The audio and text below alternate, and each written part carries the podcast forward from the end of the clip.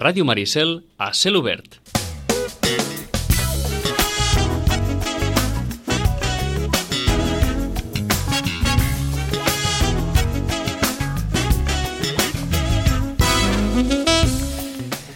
...1931-1975, Sitges Indòmit. Un relat i anecdotari dels esdeveniments lúdics celebrats a Sitges des de 1931 al 1975, a pesar del trasbals produït pels canvis de règim, guerra civil i prohibicions imposades per la dictadura franquista. Aquest dijous, a les 7 de la tarda, a la sala d'actes del Retiro, es presentarà aquest, aquest repàs, aquest recull que ha fet en Josep Maria Tubau Gallinat. En Josep Maria Tubau que ara ens ho, els ha comptat, 11 llibres ens porta publicats ja, va venint, oi? Va venint, i, i això, i ara doncs el darrer és, és aquest repàs, amb, ara en parlarem, amb, que, que ha anat parlant amb gent, ell ho va viure, però també molta més gent, va viure aquell, aquells Sitges d'uns anys, anys de foscor que, que, que bé, que igualment doncs, dintre de la foscor va haver color. I aquest color és el que ens retrata Josep Maria Tubau, bon dia. Hola, bon dia. Ja, On, com, com 11, 11 llibres. 11 llibres. Ens ho expliqueu, això. Sí. Deixa'm que, abans d'entrar en matèria, faci uns petits apunts, perquè després me'n descuido i... Que no es vol descuidar de les coses. Sí, Vinga, endavant, endavant. Després, ja, després jo aniré preguntant. Mira, Digueu. Eh, en primer lloc vull agrair-li al cronista oficial de Sitges, el Joan Ell, que m'ha fet un, un escrit molt, molt bonic a, a l'ECO uh -huh. Per anunciar la presentació, però, bueno, amb uns elogis que no són merescuts. Després també vull agrair al grup d'estudis sitgetans que en ser un llibre que tanya Sitges, de la història de Sitges i això, ha col·laborat amb l'edició i, i m'ha ajudat. Uh -huh. I finalment només dic que qui vulgui comprar el llibre eh, amb exclusiva ho té en Carles, Carles Batalla, en el, el quiosc llibreria del carrer del Retiro. Exacte, el, carrer de, el quiosc de l'Alba. Exa exactament. Carrer Àngel Vidal. Sí, sí, ara ja fes tu pregunta i jo, si puc, respondré. doncs, doncs ho intentarem. D'entrada, això, això que us preguntava, eh, us heu convertit en un, en un autor prolífic? Sí, mm, més o menys, més o menys, és un, una, un a l'any. Uh -huh. Fa 13 anys que em vaig jubilar i, bueno, aquest és l'onzè, o sigui que més o menys eh, és aquest ritme que porto. D'acord. I aquest heu triat un tema històric. Sí, sí, perquè jo volia... Eh, feia temps que volia fer quelcom sobre Sitges, malgrat que amb una de les novel·les quasi la meitat del tema ja passa a Sitges uh -huh. i, esclar, de, descric uh, la idiosincràsia i, i el tarannà del poble, però mm, volia fer quelcom que, que reflectís millor alguna cosa de, del poble. Uh -huh. I em sembla que en aquests moments que tot tan, va tan malament les guerres, la pandèmia... bueno, no cal, no cal allargar-nos, eh? potser calia fer una cosa lúdica i divertida per tal de contraposar i que el que ho llegeixi doncs, passi una bona estona, a més de, de que tothom, quasi tots els de la gent de Sitges, els de Sitges de tota la vida, veuran que hi surt el seu tiet, el seu avi, el seu pare, la seva mare, perquè, és clar, els personatges eh, hi són i, i, i no, es poden, no es poden esborrar. D'acord. Per tant, doncs, eh, heu triat un, un període temporal que vau viure. Evidentment. I això, sí. eh, això ho posa més fàcil o més difícil? No, posa molt més fàcil perquè, uh -huh. és clar, tens la, la, a la banda de la documentació i a la memòria i la memòria és, és forta. bueno, no, és, és feble, perquè moltes vegades quasi bé no me'n recordo ni d'on te dic. Però... La memòria també és enganyadissa a vegades, eh? Perquè, també. Perquè tam... la memòria ens tria també, allò que vol recordar. Però en aquest cas, esclar, tens l'avantatge de poder recórrer la documentació. O sigui, hi ha l'ECO, ara darrerament el que passa que això ja no ho he pogut emprar és la di digitalització de, de lo de l'eco. Uh -huh. Que això és una joia, perquè home, busqui documentació... Evidentment, uh -huh. això, mira, a partir d'ara, però, clar, això, quan ja s'ha fet, ja pràcticament eh, el llibre estava acabat. D'acord. I després, doncs, eh, bueno, tenim l'arxiu i les biblioteques i, i, i de tot una mica, els, els llibres que tinc per casa i, uh -huh. i també anar alguna cosa puntual, anar-la preguntant si no el que la, la va viure a un descendent directe que en sapigués la, la veritat de, de l'assumpte. De fet, el, eh, el llibre eh, compta amb cinc entrevistes a la, a la part final del, del llibre, sí. amb en Ventura Sella, amb Antoni Morató, amb en Josep Maria Alegre, amb l'Abdom Vidal i amb en Cisco Ferrer. Sí. Uh, cal separar, potser, ja el senyor Ventura, que uh, no es pot dir que ell hagi estat ficat mai en coses uh, especialment lúdiques, ni, eh, és un home de, de lletres, un, un llatinista molt reconegut, uh -huh. però és de les persones que encara van viure el, el final de, de, de la Guerra Civil i, i que, o sigui, que, que encara tenien una memòria d'aquells primer temps de, de, de tot plegat. I per això vaig recórrer a ell per, perquè em, em situés en escena i, bé, i, i també que m'expliqués algunes anècdotes de, de, de l'època. Uh. -huh. I després els altres, els altres quatre, tant en Morató, l'Alegre, l'Abdon i en Cisco, són personatges que han viscut molt el món de la nit sitgetana uh mm-hmm. -huh. i tots ells tenen llarga, llargues històries i anècdotes molt variades per, per explicar que he procurat transcriure el llibre. M'imagino, eh, Josep Maria, que, que us ho devíeu passar bé, no?, fent aquestes entrevistes, perquè aquí devia, aquí devia sortir, anava a dir, tota, tota l'escala social. Sí, molt, molt bé, molt bé. A part de que eh, tinc la sort de que tots són bons amics meus i es van sincerar i, o sigui, no va ser allò de, de, de tenir una mica de,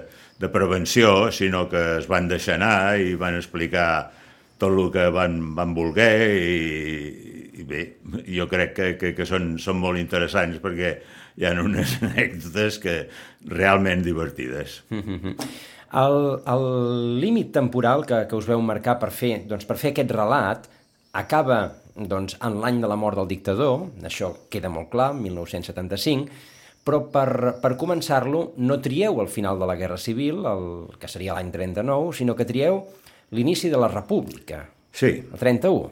És perquè a l'inici de la República ja es van produir, eh, per exemple, en el Prado, les societats recreatives del Prado i del Retiro, que eren les que feien clar, coses recreatives, de cinema, ball i això, ja els sindicats eh, en un moment donat ho van incautar per, per posar magatzems i això. I és clar, això ja va distorsionar una mica la, la, la cosa lúdica de la gent del poble. Ah, llavors ja vaig considerar que era bo començar amb aquest moment que ja es distorsionava els fets normals de, de, de sempre, de que podia la gent anar a ballar com volia, anar a veure cinema, i, i bé, ja en certa manera ja, ja hi va haver, ja hi va ser una, no una repressió, però si no, accidentalment pues, no es van poder fer les sessions que, que, que eren normals a l'època. D'acord. Uh, I uh, hi ha, per tant, les, les diversions de Sitges durant la República, les diversions que podien haver, o el que, podia, el que toqués durant la guerra, que entenem que devien ser poques, i després, doncs, eh, les diversions dels 40 anys de dictadura.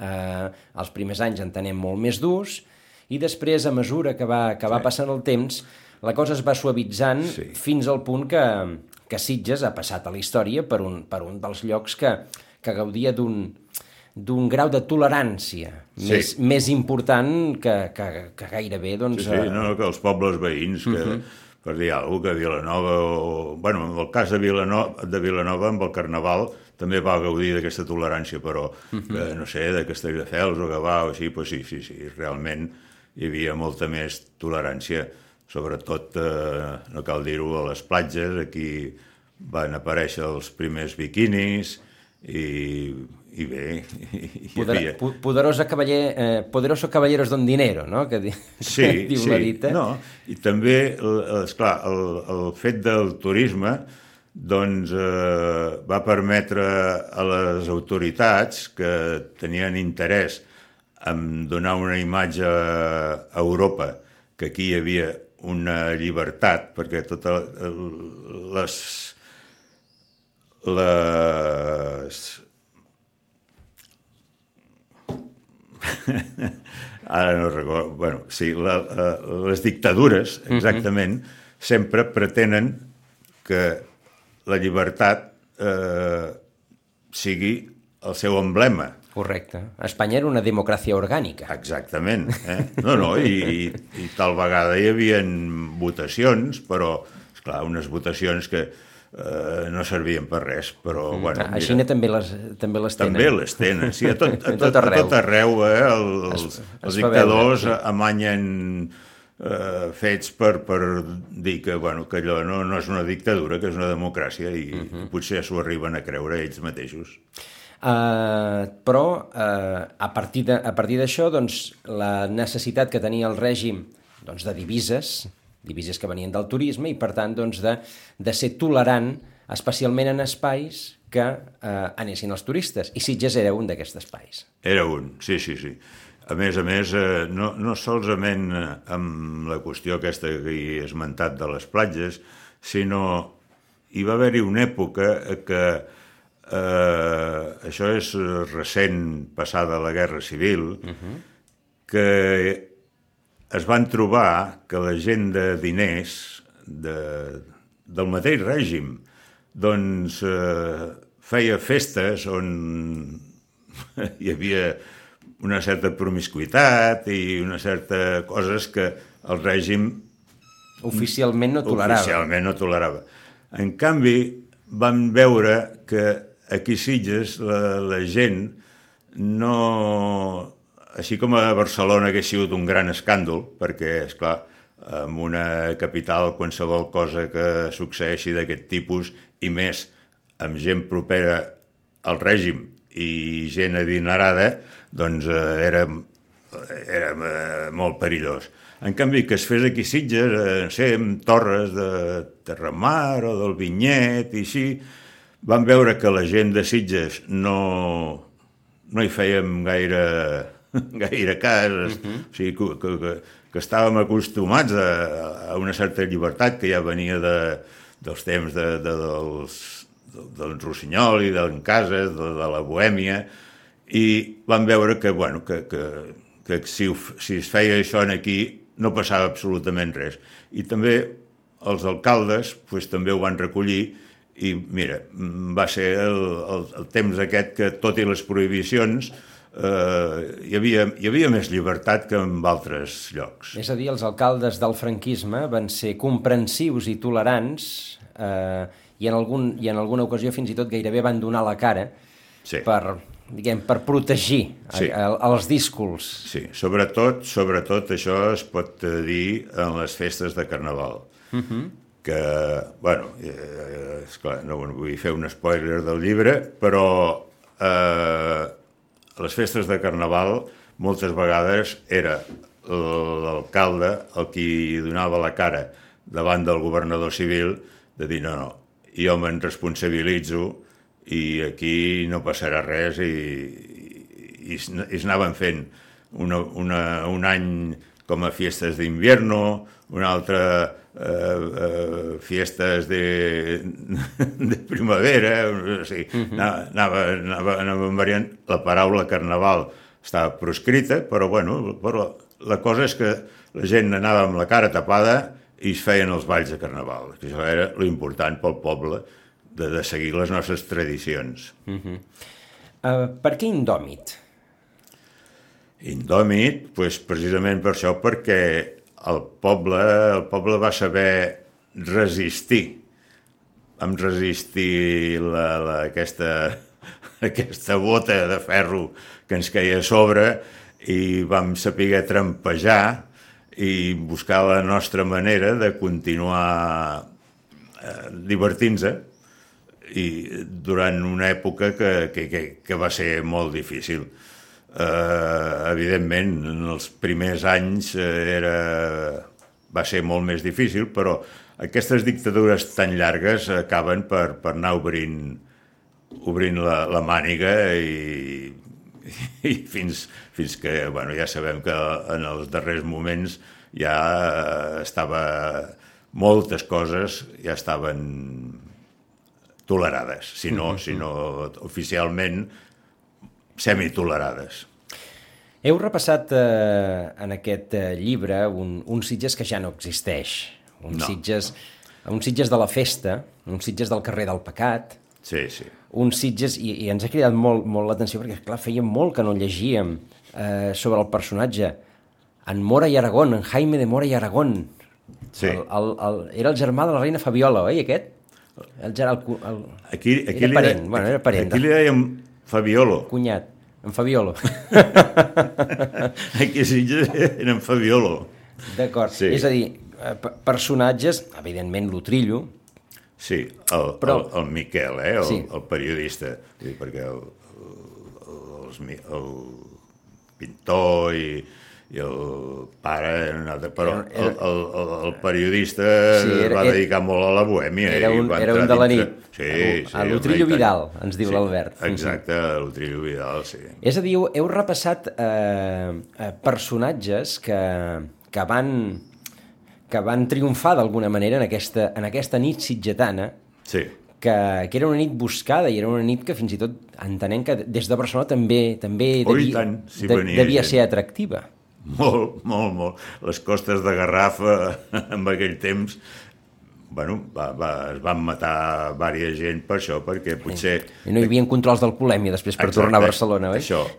Potser havien begut una mica més del compte i al tornar, pues, la cosa... I no era recta la carretera per D'aquests tornar. personatges, eh, per, per, per esmentar-te'n alguns, mi, em refereixo, per exemple, a la vella, ja sabem a la vella la significació que va tenir per Sitges, eh, el cuiner en Busquets, el pintor Serrano, el que m'has dit, eh, Fabiolo, que era el germà de la reina Germà, Fabiola, germà.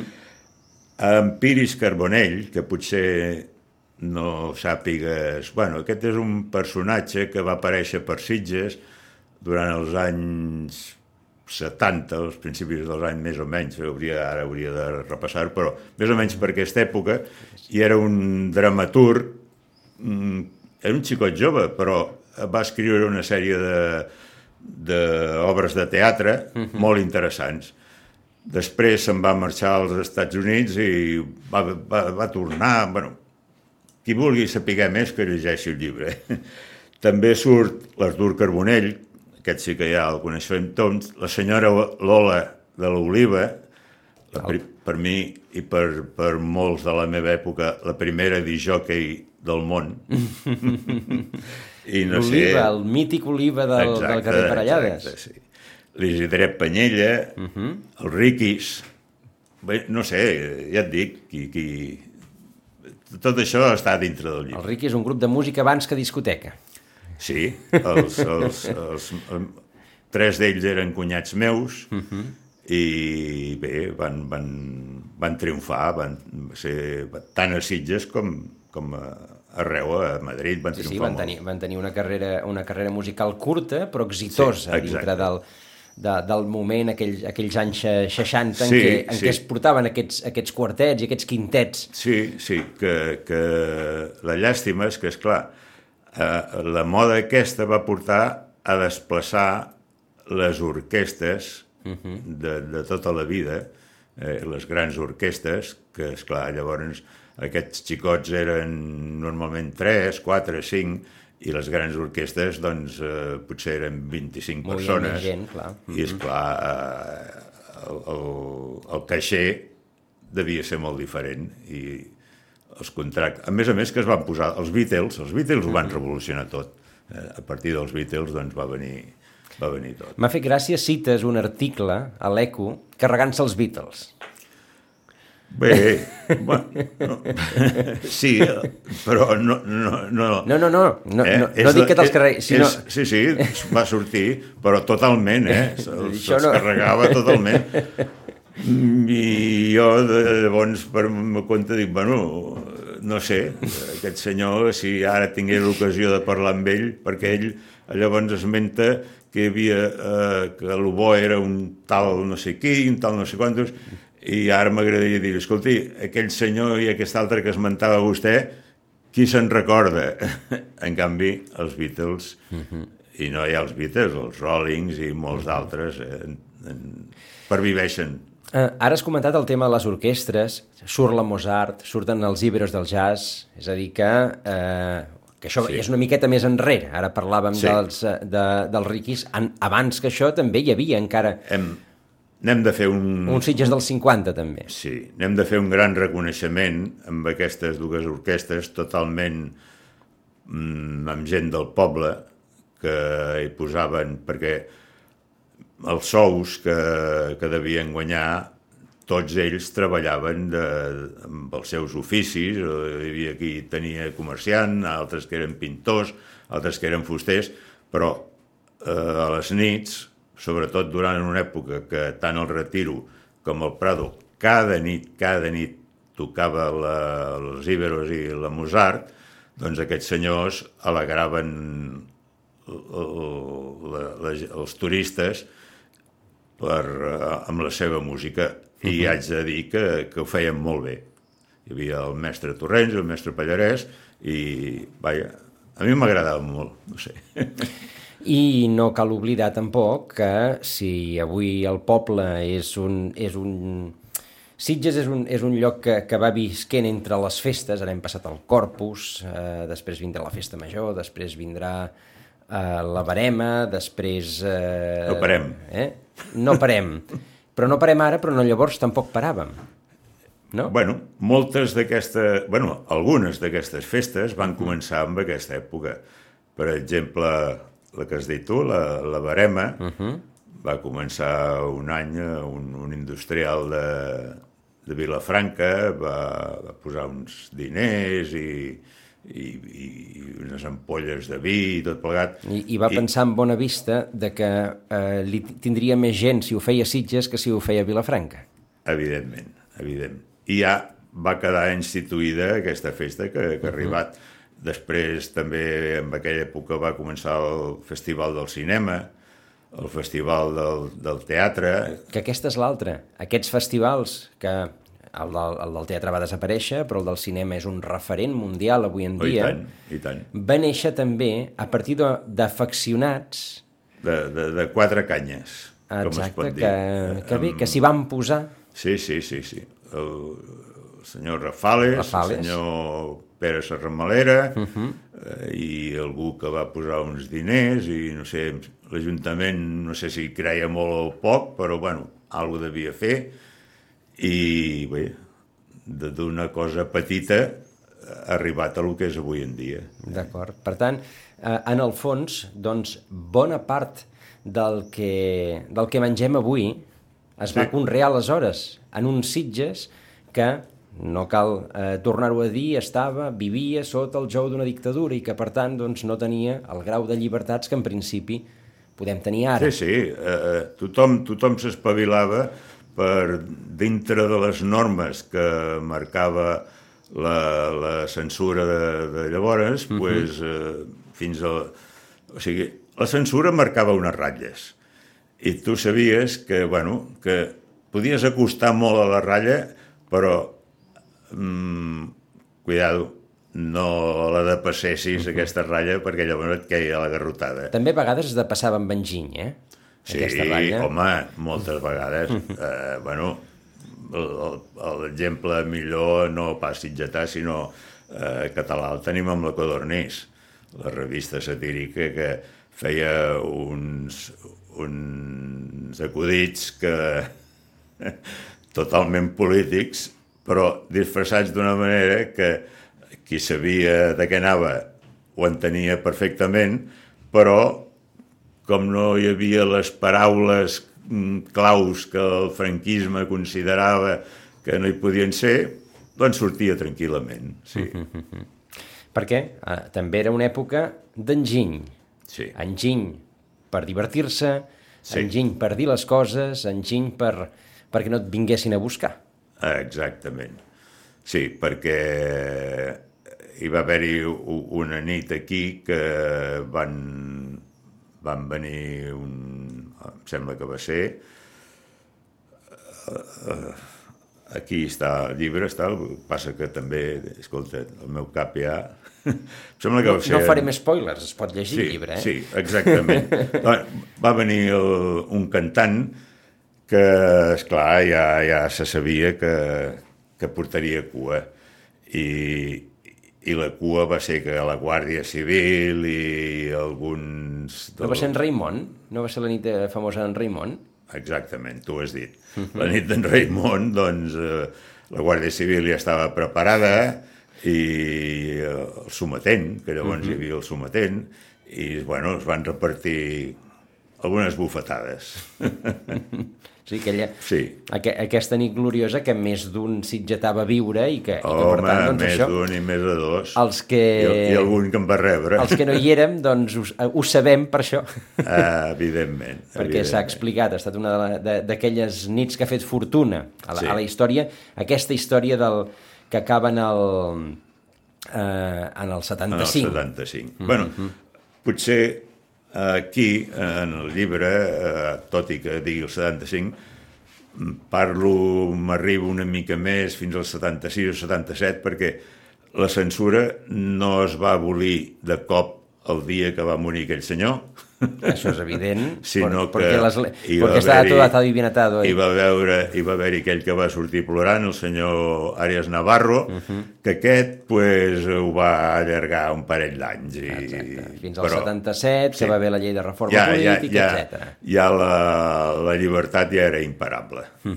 Sí, perquè de fet el primer carnaval autoritzat em sembla que és el del 76, si, Segura. no, Sí, em sembla que sí. sí. si no vaig mal errat. Sí, sí, sí, sí, sí, sí, sí. Ja, van, ja la cosa ja era imparable. Era, era imparable. Per tant, eh, aquesta metàfora que he utilitzat jo, jo al principi, aquest, aquest Sitges en blanc i negre que tenia un color a dins, Sí, és, sí. és real la metàfora? Mira, com, com, com el llibre, Com el potser. llibre. Eh? Blanc i negre, però amb algo de color. amb, el, amb alguna cosa de color. La, la, la, el de la portada és en Cisco Aguirro. Sí, he posat en, en Cisco Irro, que ell va ser cantant uh -huh. Dels íberos del jazz. Això poca gent no ho recorda. És, eh, en Cisco Guirro va posar... Tenia una fàbrica de, de calçat que eh, a l'època hi van treballar fins 90 i escaig de persones, o sigui que va ser una cosa important. El que passa que es va posar molt en mans dels americans, vaja, d'un sol americà i aquesta gent no tenen escrúpols i en un moment donat aquest va tallar la, la, la importació i, esclar, tanta gent no, no es va poder dirigir, digerir uh -huh. i en Cisco va tinguer de tancar. I, i ho he posat perquè, a part de ser molt amic meu, va ser qui em va donar l'oportunitat de ficar-me en el món de les sabates, que jo venia de l'hostaleria, però estava boig per deixar l'hostaleria, que, escolta, allò era un no parar dissabtes, diumenges, perquè llavors no, no, no es guardaven les 8 hores, ni molt menys, allò era 11 i 12 i 13 i, i cada dia, cada dia, cada dia, diumenges, i bé, era un no parar que vaig dir... Jo, jo volia deixar-ho i en Guerro em va oferir la possibilitat d'entrar a treballar a la seva fàbrica i amb la seva memòria, per això he aprofitat que també ell també era un personatge de la nit, eh, en Guerro, però eh, el ser cantant de, de, de, dels Iberos, doncs l'he posat a la portada del llibre. Què ha descobert en Josep Maria escrivint aquest, aquest llibre de, de Sitges que potser desconeixia, si és que desconeixia alguna cosa? Sí que, li ha sorprès alguna cosa? No, no masses. No masses perquè és el que has dit tu abans, que l'haver-ho viscut, quasi tot ho tenia amb la memòria. Sí, evidentment, eh, el que he descobert és gent que jo em pensava que els tenia per, per gent seriosa, no vol dir que no fossin, però eh, que pensava que no haguessin actuat mai en una revista ni, ni, ni en una cosa teatral o aquestes coses, i al mirar arxius, a mirar l'ECO, mm, he pres compte que sí, que, que eren gent molt divertida i molt significativa. Tothom pot tenir un punt canalla, no? Jo crec que sí, a Sitges, qui no el té? Anava a dir, a Sitges és més fàcil. Evidentment. O era més fàcil. Eh, sí, sí, avui en dia les coses han canviat molt i uh mhm. -huh. tot, tot s'ha dispersat molt, però la història nostra està aquí i, i l'hem de, hem de, hem de ser fidels i l'hem de conservar. Què hem perdut d'aquella època? Jo crec que hem perdut mm, una, una mena de ser més espontània. Eh, avui en dia tot està marcat per unes regles del mercat que influeixen molt. La, la, la cosa del mercantilista s'ha imposat, no diguem ja aquí Sitges amb el turisme, eh, llavors el turisme era allò de xambres eh, cinc rooms, que eh, els cartells a tot arreu estaven. A cada, a cada casa, a més a més, per exemple, un hotel eh, contractava una agència o així i els hi deia, bueno, tenim habitacions, o sigui, l'hotel té habitacions per 30 persones, però potser en venien 50 i, i aquests altres 20 anaven a parar a casa d'en Paret, a casa d'en Ramon, a casa... tothom, i aquí va venir que la, la transformació dels Sitges pescador, sabater i, i de, de, i del, del camp, que uh -huh. treballaven agricultor, amb, agricultor uh -huh. que, que es treballava amb la vinya, sobretot, a que les senyores anessin deixant les màquines de cosir i els senyors pues, es posessin de cuiner, de camarer, a llogar habitacions, tot això... Va arribar al monocultiu del turisme. Exacte. I et diré més, jo trobo que ens hi hem llançat massa, perquè Eh, això, no, això no surt al llibre, per uh -huh. això és una opinió personal que et diré, que si no ho dic rebento. Manca, Sitges ens manca una indústria potent que sigui totalment diferent de la del turisme. Perquè, per exemple, ara, amb aquest temps de pandèmia, hem rebut molt, però és que aquests temps es repetiran. I si solament estem encarats al turisme, patirem molt, uh -huh. perquè la, la, la crisi climàtica, el canvi climàtic i tot això ens porta a que algunes vegades el turisme no, no, no podrà venir, no, no, no vindrà, no sé. Això, això és una qüestió estratègica que fa molt que se'n parla.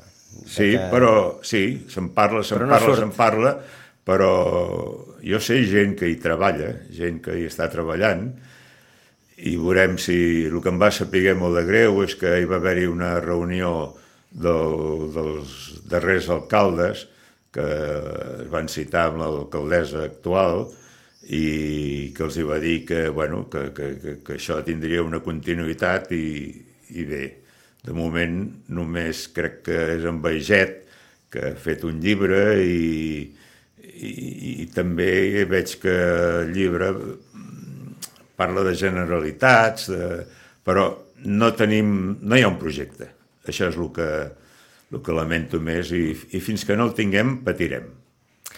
Josep Maria, érem eh, més innocents aleshores que ara? En certa manera en certa manera. Eh, érem més innocents, però, és clar... Eh, ara, que... ara em sortirà aquí la cançó del Serrat, eh? El temps era temps. Sí, temps, temps era temps. I, i és clar, el que, el que havia... Eh, érem més dissimulats. Tot s'havia de dissimular. Eh? Qualsevol cosa que feies havia de ser per sota de la taula. Eh, I, és clar, avui en dia mm, es pot fer tot, tot és criticable, o sigui, abans eh, qualsevol diari no podia parlar de política ni tal vegada de, de successos truculents. Avui en dia es parla de tot, però no s'arregla res. Eh? O sigui que Bueno, alguna cosa hem avançat i es parla. Sí, home, sí, sí, sí però, però vull dir que el, el que llavors ens deien, home, que no se'n parli perquè si, si se sap tot això la gent es revoltarà. No revolta ningú. O sigui, tot, tot surt, tot està... Tothom sap, ho sap tot i ningú fa res perquè, mira, és, potser és el progrés, potser són els costums que evidentment han, han canviat, ens hem modernitzat, però enyoro, enyoro aquells sitges d'abans, eh? Uh -huh. En algunes coses, espero. Sí, en, en moltes, eh? En moltes? En moltes, sí, sí, sí. sí. Era sí. un sitge sense autopista? Bé, però hi havia el Garraf, hi havia la, la, la, la, la 246, mm. que, que l'altre dia eh, una bona amiga meva em va dir, diu, diu mira, diu, la, la, la diada de la, de la Rebella. Uh -huh. Diu, vaig mirar, diu, l'entrada a l'autopista estava a, a petar, i en canvi vaig mirar i l'entrada de, de la 246, de la carretera, diu, i m'hi vaig ficar. I diu, vaig poder venir tranquil·lament quan els de la, que estaven a l'autopista van estar una hora i mitja allà clavats. Vull dir que no tot, no tot són els avanços, mhm. -huh. sí, evidentment, serveixen per molt, sí, sí. però no vol dir que siguin... L'aigua de la xeta era salada. Sí, sí però això el, el meu amic Serra ho va, ho va, ho va arreglar bastant i, eh, i ara... Si no... no, però em, em venia a referir, Josep Maria, que, que en el fons eh, hi ha coses que, que ens poden semblar millor amb els ulls del, del, del temps. No, no, ho són però... Mm... Ho són, ho són, ho són millor, hem, hem millorat. Bueno, però és que si, si si l'avançament de, de la, del progrés no repercutís en les coses millors, no serviria per res, Difícil. perquè si estiguéssim... Uh -huh. Ara, és clar, també passa això, que es van perdent coses que eren molt bones i que s'han perdut. Uh -huh. um, Teniu algun llibre més en cartera, ja que heu dit que més o menys en surt un a l'any? Estic escrivint un. Estic I... escrivint, clar... El... Aquesta vegada va per, per la via de l'assaig històric o va per la via de la novel·la? La novel·la. La novel·la. Jo, jo Us agrada més la novel·la? M'hi trobo, trobo millor. M'hi trobo millor perquè llavors eh, el Magí es pot desenvolupar cap a llocs que són impensables més, de trobar-m'hi. D'acord, més senzill d'imaginar d'imaginar que no pas eh, doncs sí, això, aquí, intentar aquí, no trair exacte, la, la, la realitat, la realitat en un llibre d'assaig històric s'ha sí, d'intentar doncs, posar les coses correctes. Pots posar més o menys de la teva part, però has de seguir la pauta de, de la història. En canvi, la novel·la doncs, és totalment lliure. I serà una novel·la romàntica, que uh -huh. és un tema que encara alguna, alguna cosa hi mig tocat, però, però aquesta ho serà totalment, a veure què passa, perquè la meva clientela